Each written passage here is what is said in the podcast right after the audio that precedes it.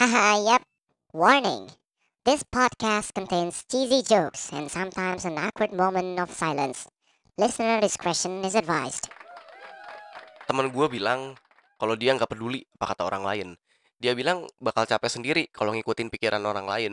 Dia hidup ya buat dia sendiri. Apa yang menurut dia baik, dia jalanin. Yang dia suka, dia lakuin. Tapi, emang bisa nggak sih kita hidup tanpa peduli dan pikir pusing tentang pikiran orang lain? Dan apa sih yang sebenarnya orang lain pikirin tentang kita? Kalian lagi dengerin Frivolous Mind Podcast dan inilah dia, pikiran orang lain tentang kita.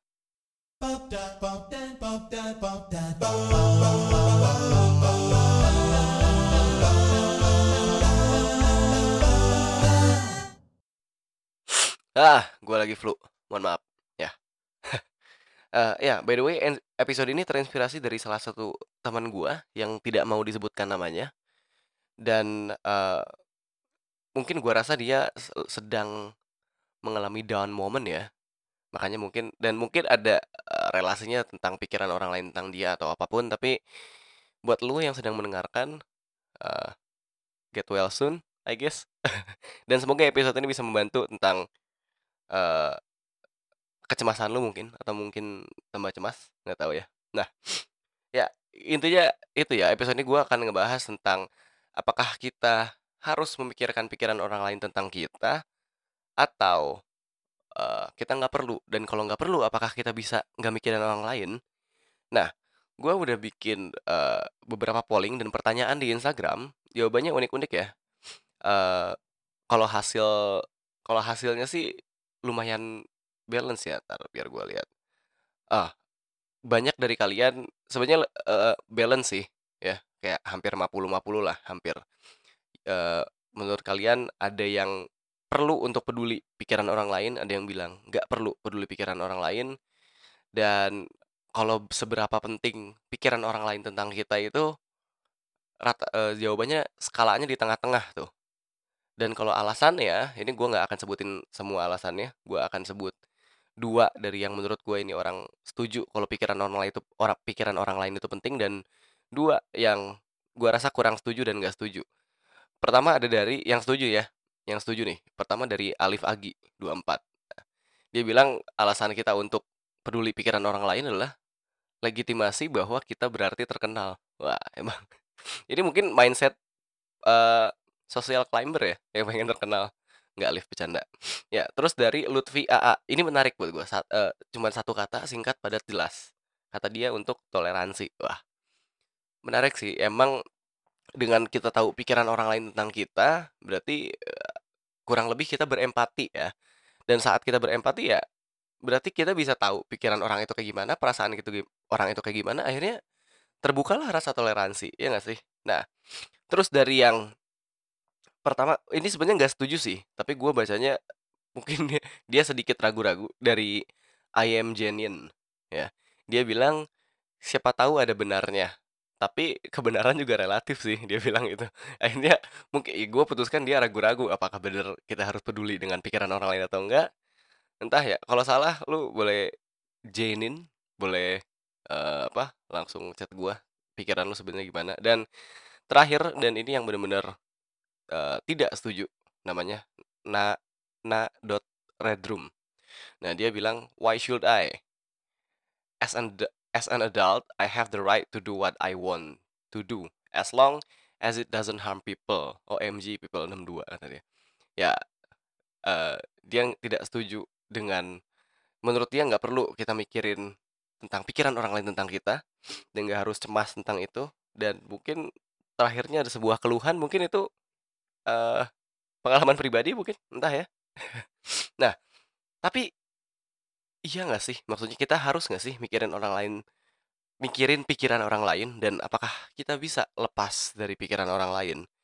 Nah eh by the way gue dikasih quotes sama pemilik eh, podcast sebelah. Podcast bukan siapa-siapa. Kalau kalian tahu podcast bukan siapa-siapa gue pernah bikin episode sama dia dan dia ngirim quotes ini ke gue pas gue pengen bikin episode ini. Dia bilang manusia yang merdeka adalah manusia yang tidak memikirkan orang lain. Itu kata dia itu adalah quotes dari Bakunin siapa itu Bakunin Bakunin adalah seorang tokoh revolusioner revolutionary anarkis dari Rusia. Nah, anarkis ini bukan tukang pukul ya. Kalian buat yang masih awam dengan kata anarkis ini anarkis dia Bakunin ini adalah seorang anarko. Yang mana artinya anarkis ini sebenarnya buka anarkis itu bukan tukang pukul, tapi anarkis ini tidak tidak menyetujui dengan adanya hierarki, dengan adanya sebuah tatanan, mereka mungkin jadi ke arah sosialis ya. Jadi sama rata sama rasa dan tidak ada yang lebih superior, tidak ada yang inferior, semuanya sama. Ya, mereka nggak setuju dengan tatanan kayak gitulah. Mereka percaya kalau manusia, hmm, society itu bisa dibangun dengan trust. Ya, kurang lebih kayak gitu. Tapi kita di sini nggak bahas anarki itu apa. Gue di sini pengen bahas apakah kita bisa uh, lepas dari pikiran orang lain atau malah kita perlu untuk mikirin pikiran orang lain tentang kita dan apakah quotes dari Bakunin ini benar?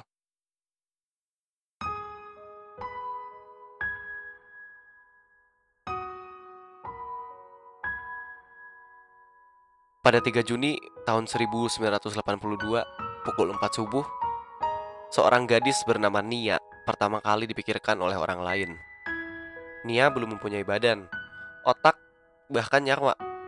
Nia baru sekedar tanda dua garis dalam tes kehamilan, sebuah simbol dari potensi kehidupan baru.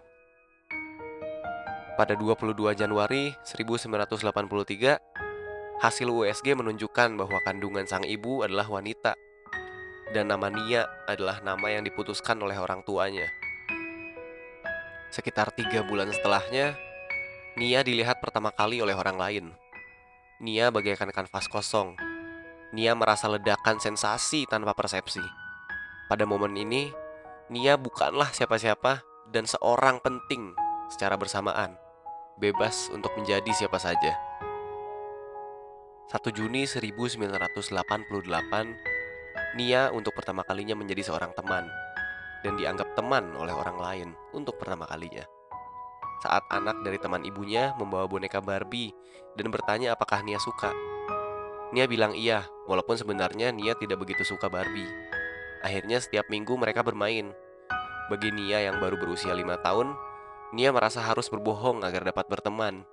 Nia tetap dengan kebohongan kecilnya agar teman pertamanya tetap menyukainya.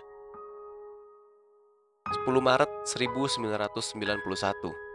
Untuk pertama kalinya, Nia dibilang aneh dan gila. Saat Nia sedang berdansa sendiri di kelas, teman-temannya meledeknya. Semenjak itu, Nia tidak berdansa lagi untuk beberapa tahun. 14 Oktober 1994 Pertama kalinya, Nia dibilang cantik. Saat lelaki bernama Tom bertemu di lorong sekolah. Tom bilang, Nia cantik dengan rambutnya yang dilerai panjang. Semenjak itu, Nia selalu melerai rambutnya, walaupun sebenarnya Nia lebih suka rambutnya yang diikat. Dua bulan kemudian, Tom mencium pipi Nia. Mereka berpacaran untuk empat bulan, lalu putus. Untuk pertama kalinya, Nia merasakan patah hati dan dibenci. 31 Januari 1998 Nia didiagnosa memiliki kanker mata. Cepat atau lambat, Nia akan kehilangan penglihatannya dan hidupnya. Untuk pertama kalinya, Nia dikhawatirkan oleh banyak orang. Dan untuk pertama kalinya, Nia benar-benar khawatir akan dirinya sendiri. 17 September 1998 Nia terbaring di rumah sakit ditemani oleh orang tuanya. Nia bercerita akan penyesalannya yang tidak pernah menjadi diri sendiri depan orang tuanya dan bahkan orang lain. Semua orang Nia menghabiskan sebagian besar waktu hidupnya memenuhi ekspektasi orang lain, persepsi orang lain tentang Nia. Menyesal bahwa yang selalu Nia pikirkan adalah bagaimana perasaan dan pengalaman orang lain tentang Nia. Bukan bagaimana perasaan dan pengalamannya sendiri. Bagaimana dia ingin diingat, dipikirkan, dan dicintai oleh orang lain. Cantik, ramah, populer, dan ceria. Dan sekarang Nia mendekati akhir hidupnya tanpa benar-benar dipikirkan dan dikhawatirkan oleh orang lain. Saat Nia bercerita semua penyesalannya, dibarengi oleh perasaan yang sama oleh orang tuanya, mencapai frekuensi yang sama dalam pelukan. Pada momen ini, Nia merasakan kasih sayang dan kehangatan yang tidak pernah dia rasakan sebelumnya, dan tidak akan pernah lagi dia rasakan. Satu bulan kemudian, untuk pertama kalinya, Nia dianggap sebagai orang yang sudah meninggal. 26 Agustus 2019 Untuk terakhir kalinya, Nia dipikirkan oleh keluarganya saat sebelum ayah Nia tertidur dan akhirnya lupa oleh penyakit Alzheimer-nya. 9 Februari 2035 Nia untuk terakhir kalinya dipikirkan. Teman kecilnya melihat Barbie dalam gudang. Teringat sedikit akan teman kecilnya, Nia. Sampai akhirnya gudang itu pun dibersihkan dan boneka Barbie itu pun dibuang. Charles Cooley, dia seorang sosiolog dan founding member dari American Sociological Association tahun 1905 itu berdirinya. Nah, dia bilang gini, I am not who you think I am. I am not who I think I am. I am who I think you think I am. Jadi intinya artinya ya artinya gue bukan orang yang lu pikirkan, gue bukan orang yang gue pikirkan, gue adalah orang yang gue rasa lu mikirin gue kayak gini gitu. Ngerti nggak? Jadi artinya gimana ya? Eh gue emang gue tuh bukan misalnya lu ya lu tuh bukan orang yang lu pikirkan. Lu juga bukan orang yang menurut orang lain lu seperti apa. Tapi lu adalah lu percayanya orang lain tuh mikirin lu kayak gimana. Nah lu tuh kayak gitu gitu loh. Dan kalau dijelasin itu berarti constant loop of feedback ya. Constant loop of feedback of feedback di sini berarti lu menurut lu orang lain mikirin lu kayak gimana dan lu akan menjadi seperti itu? Dan kalau emang dari perspektif sosialis le kok sosialis? Kalau kalau dari perspektif sosiologi emang manusia itu terbentuk oleh interaksi sosial dan lingkungannya. Berarti pikiran orang lain ekspektasi orang lain budaya itu selalu menjadi pengaruh gimana lu menjalanin hidup lu setiap hari gitu loh. Jadi uh, gimana ya kalau dari paham sosiologi mungkin kita juga harus accept kalau pikiran orang lain apa yang orang lain pikiran tentang kita ekspektasi orang lain tentang kita itu merupakan salah satu faktor pembentuk malah faktor utama pembentuk kepribadian kita kayak gimana. Dan kalau dibahas dari teori-teori psikologi banyak sih gue bahas dari teorinya Sigmund Freud dulu ya psikoanalisa. Dia kan bilang uh, kita hidup untuk menikmati uh, Sigmund Freud ini bilang kita hidup untuk menikmati bukan menikmati kita hidup untuk memuaskan insting seksual kita. Nah untuk kalau untuk memuaskan insting seksual kita berarti ujung-ujungnya kan ke reproduksi untuk ke berpasangan. Nah berarti apa pun yang kita lakukan adalah ujung-ujungnya untuk kita mendapatkan kepuasan seksual. Dan gimana kita mendapatkan kepuasan seksual sebagai manusia?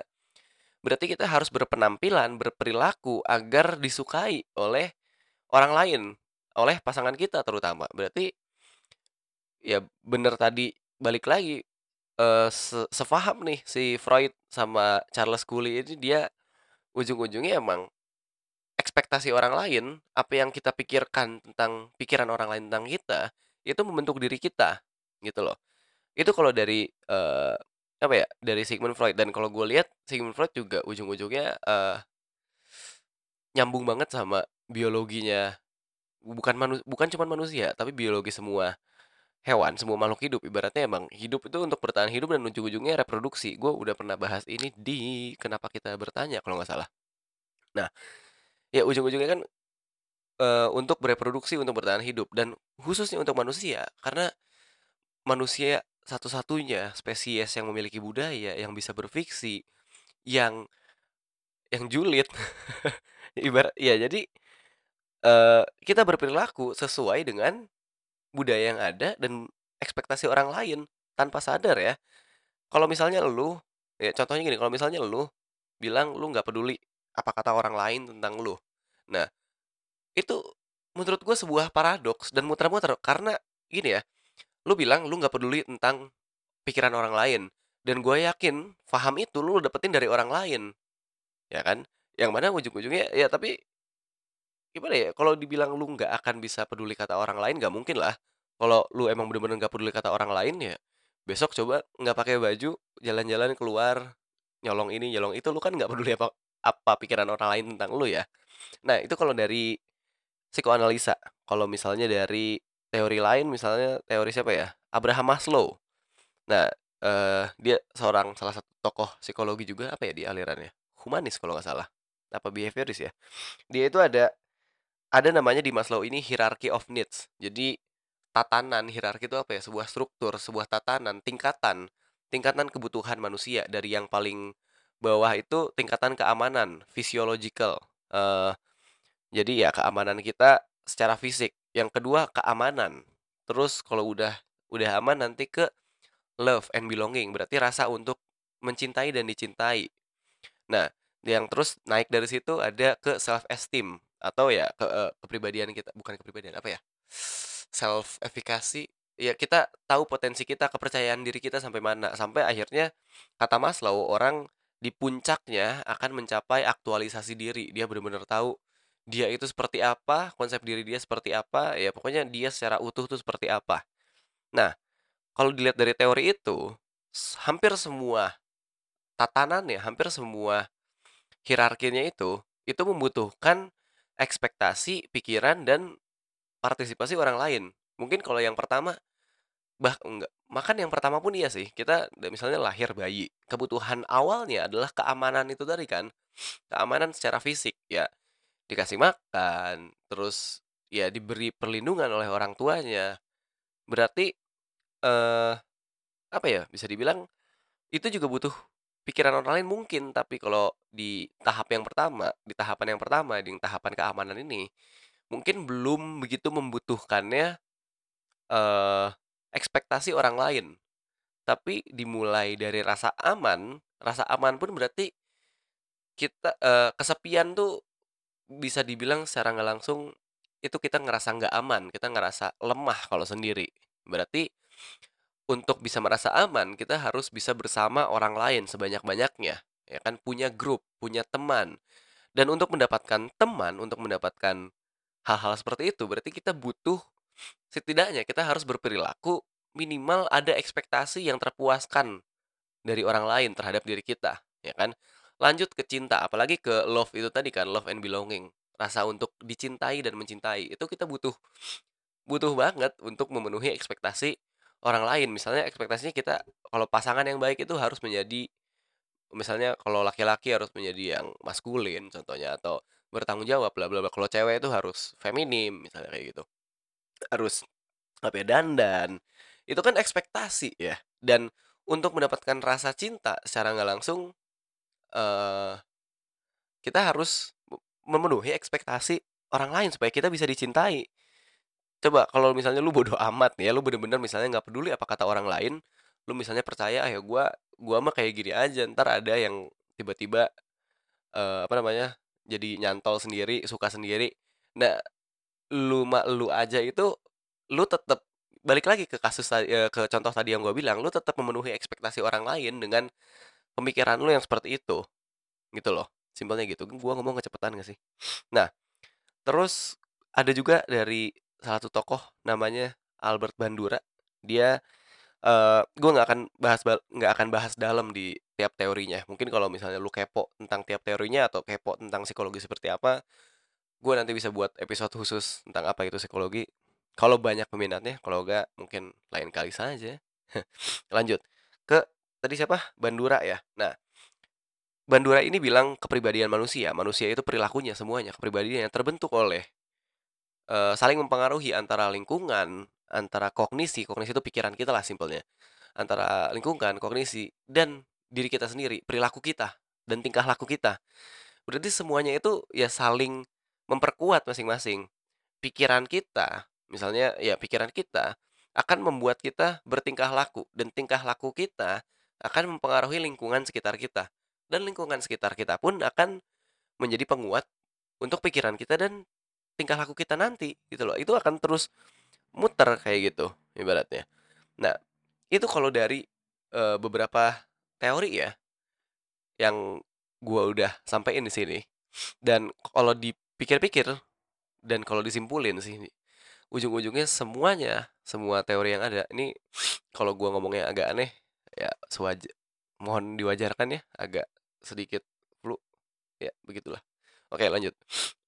Eee, dari semua teori dan semua hal yang tadi gua udah bilang tadi, eee, itu hampir semuanya saling menyepakati bahwa mau nggak mau, we have to accept pikiran orang lain tentang kita. Kita harus terima bahwa kita pun secara nggak langsung terus mengikuti ekspektasi orang lain, terus eee, tanpa sadar memikirkan pikiran orang lain tentang kita. Nah, tapi mungkin di sini buat lu yang nggak setuju tentang kayaknya kita nggak harus peduli amat sama pikiran orang lain. Buat gua, gua ada setujunya, tapi bukan berarti kita jadi apatis karena gua mikir nggak akan mungkin juga sih lu akan menjadi bener-bener apatis tentang pikiran orang lain tentang lu. Tapi maksudnya di sini adalah pikiran-pikiran stigma-stigma jelek tentang lu yang menurut lu, lu nggak gitu, ya menurut lu fitnah lah ibaratnya ya lu nggak usah benar-benar peduliin. Karena mungkin gimana ya, kadang mikirin itu perlu ya. Mikirin pikiran orang lain tentang kita itu gua rasa perlu. Tapi untuk terlalu mikirin, untuk overthinking about gimana orang lain mikirin kita, itu menurut gua itu yang kurang perlu. Karena ujung-ujungnya bener kayak eh, kata-kata di intro yang gue bilang tadi, bakal capek sendiri, ya kan? Bakal capek sendiri untuk overthinking itu tadi, ya. Dan eh, mungkin gua rasa kalau misalnya bener-bener kita mikirin pikiran orang lain tentang kitanya terlalu detail, misalnya kalau kata si A begini, kata si B begini, kata si C begini, terus kita pikirin satu-satu, mungkin itu juga yang bikin capeknya ya. Tapi eh kalau gua sih, gua menggeneralisasikan. Jadi dari semua pikiran orang lain yang gua rasa orang lain mikirin gua kayak gimana, akhirnya gue simpulkan semuanya gimana, berarti gua harus berperilaku seperti apa gitu loh. Dan menurut gua rasa itu perlu karena eh, banyak juga di kuesioner Instagram gua bilang untuk introspeksi diri, iya bener dan ujung-ujungnya ya untuk gua bisa berkembang, berkarir, berkecimpung untuk nyebur di dunia dan di masyarakat, gua harus tetap melakukan itu. Kalau enggak ya gua harus bikin gu gua ke pulau apa kayak gua tinggal sendiri baru gua nge bisa nggak mikirin pikiran orang lain. Tapi ya ujung-ujungnya pikiran orang lain emang akan selalu penting buat kita. Itu yang membuat diri kita itu kita, gitu loh. Eee, kepribadian itu terbentuk karena ada orang lain. Kalau lu satu-satunya makhluk hidup yang tinggal di planet ini, ya, cuman ada tumbuhan lah, cuman makan buah-buahan tapi nggak ada binatang lain, nggak ada manusia lain, lu nggak akan punya kepribadian, lu ya hidupnya instingtif aja, makan, tidur, makan, tidur, kalau cuman sendiri, ya kan? Dan adanya lu, lu bisa berpikir sampai sekarang, lu bisa berperilaku sampai sekarang, lu itu dibentuk oleh pikiran orang lain. Yang oleh pikiran orang lain sini kayak kata-kata Charles Cooley tadi ya, apa yang lu pikir orang lain pikir tentang lu, itu lu akan menjadi seperti itu dan itu itu adalah konstan loop. Lu udah merubah perilaku lu, lu udah meruka merubah cara lu berperilaku di masyarakat misalnya dan ternyata lu rasa orang lain mikirin lu berganti lagi nih, tanpa sadar tanpa sadar pun lu akan berganti, gitu loh. Ya simpelnya mungkin 3 tahun kemarin atau 2 tahun atau tahun-tahun ke belakang sampai sekarang, kalau lu ngerasa teman-teman lu ganti, lu terus ganti lingkungan pertemanan, ganti ya apa pun itu, lu lu pasti akan sadar banyak dari cara ngomong lu, mungkin cara lu berpakaian, cara lu bertingkah laku, itu berbeda-beda karena emang lingkungan dan ekspektasi orang yang lu, eee, nyebur di situ, itu berbeda-beda kan orangnya. Dan berarti tanpa sadar lu akan terus, eee, mengikuti ekspektasi orang lain, gitu loh. Sesimpelnya aja dari cara ngomong, eee, cara bercandaan, dari jokes-jokes-nya, itu s di setiap pertemanan, setiap lingkup pertemanan pasti beda-beda. Lu kalau sama si A jokes-nya begini, kalau sama si B jokes-nya jokes-nya kayak gini. Itu kan adalah hal kecil yang lu lakukan untuk memenuhi ekspektasi dia. Menurut lu lucu begini-begini, menurut dia lucu begini-begini. Ya itulah intinya. Ini sampai sini gua rasa gua ngomongnya kecepatan ya, entah karena mungkin kalau flu gua ngomongnya jadi cepet, karena entah ya. Ya, lanjut. Kalau kita bahas cerita tadi ya, cerita si Nia ini tadi. Ada, eee, Nia itu kan hidup untuk memenuhi ekspektasinya, ya kan. Kalau yang namanya penyesalan seperti Nia di akhir, eee, gua rasa bukan ya wajar sih, maksudnya orang pun bahkan nggak usah lu nggak harus menjadi Nia untuk merasakan Nia, mungkin di saat lu dengar ceritanya atau lu sering mikir sendiri, lu pun mungkin sering kali kita menyesal kita tidak benar-benar melakukan apa yang kita mau, apa yang kita rasakan, eee, apa yang kita rasakan enak kita jalanin, tapi lu terus-terusan mengikuti ekspektasi, eee, orang lain. Dan menurut gua penyesalan seperti itu sering kali terjadi dan wajar aja, tapi emang gimana ya, kalau tadi nih bahas pakai yang teori, eee, Bandura, yang tingkah laku pun kita bisa mempengaruhi lingkungan. Akhirnya sisi positifnya berarti kalau dari cerita Nia tadi itu kan seakan-akan Nia itu manusia yang sangat pasif ya. Tapi positifnya sebenarnya lu kan satu di antara banyak orang yang mikirin pikiran orang lain dan berarti nggak cuman lu yang memetu yang memetuhi nggak cuman lu yang memenuhi ekspektasi orang lain, tapi orang lain pun banyak dari teman-teman lu memenuhi ekspektasi lu tentang mereka gitu loh. Jadi, eee, tenang ya maksudnya jangan panik dan jangan jadi cemas atau jadi, eee, sedih karena misalnya emang kita hidup untuk memenuhi ekspektasi orang lain secara nggak langsung, tapi orang lain pun memenuhi ekspektasi kita tentang dirinya, gitu loh. Jadi, ya ujung-ujungnya constant loop of feedback, lu dapat untung, dia pun dapat untung. Jadi, interaksi sosial dan cara lu memenuhi ekspektasi orang lain, lu pun mendapat bayaran yang sama dari orang lain, gitu kan. Dan maksudnya ada masanya kita benar-benar melakukan apa yang benar-benar kita mau, ada masanya kita mengalah untuk, eee, sesuatu yang mungkin bisa lebih menguntungkan kita ke depannya kan. Ya, mungkin itu aja ya episode kali ini. Dan buat lu yang selalu cemas, atau yang lagi cemas, atau buat temen gua yang, eee, gua terinspirasi episodenya dari ini, apa pun yang lu lagi rusa lu rasain, eee maksudnya keep fighting, what ef whatever happen to you, ya you'll be fine lah intinya. You'll be fine maksudnya you'll everything's gonna be okay, bro. Dan dan, eee, kalau gua bahas eh, kalau di episode podcast gua yang "Bisakah Kita Bahagia Selamanya?" berarti ini adalah down moment lu, adalah konflik lu supaya nanti di saat lu bahagia, lu bisa mengapresiasi kebahagiaan lu lebih-lebih lagi, intinya gitu, ya. Dan mungkin itu ya episode kali ini. Thank you banget yang sudah mendengarkan suara gua pas gua lagi flu. Dan sampai ketemu lagi di minggu depan di episode-episode berikutnya yang harusnya jauh lebih mencengangkan dan jauh lebih sehat keadaan gua dari sekarang ya. Ya, terima kasih banyak yang sudah mendengarkan sekali lagi and Frivolous weh, ulang-ulang. And Frivolous Mind Podcast. And as always, thank you.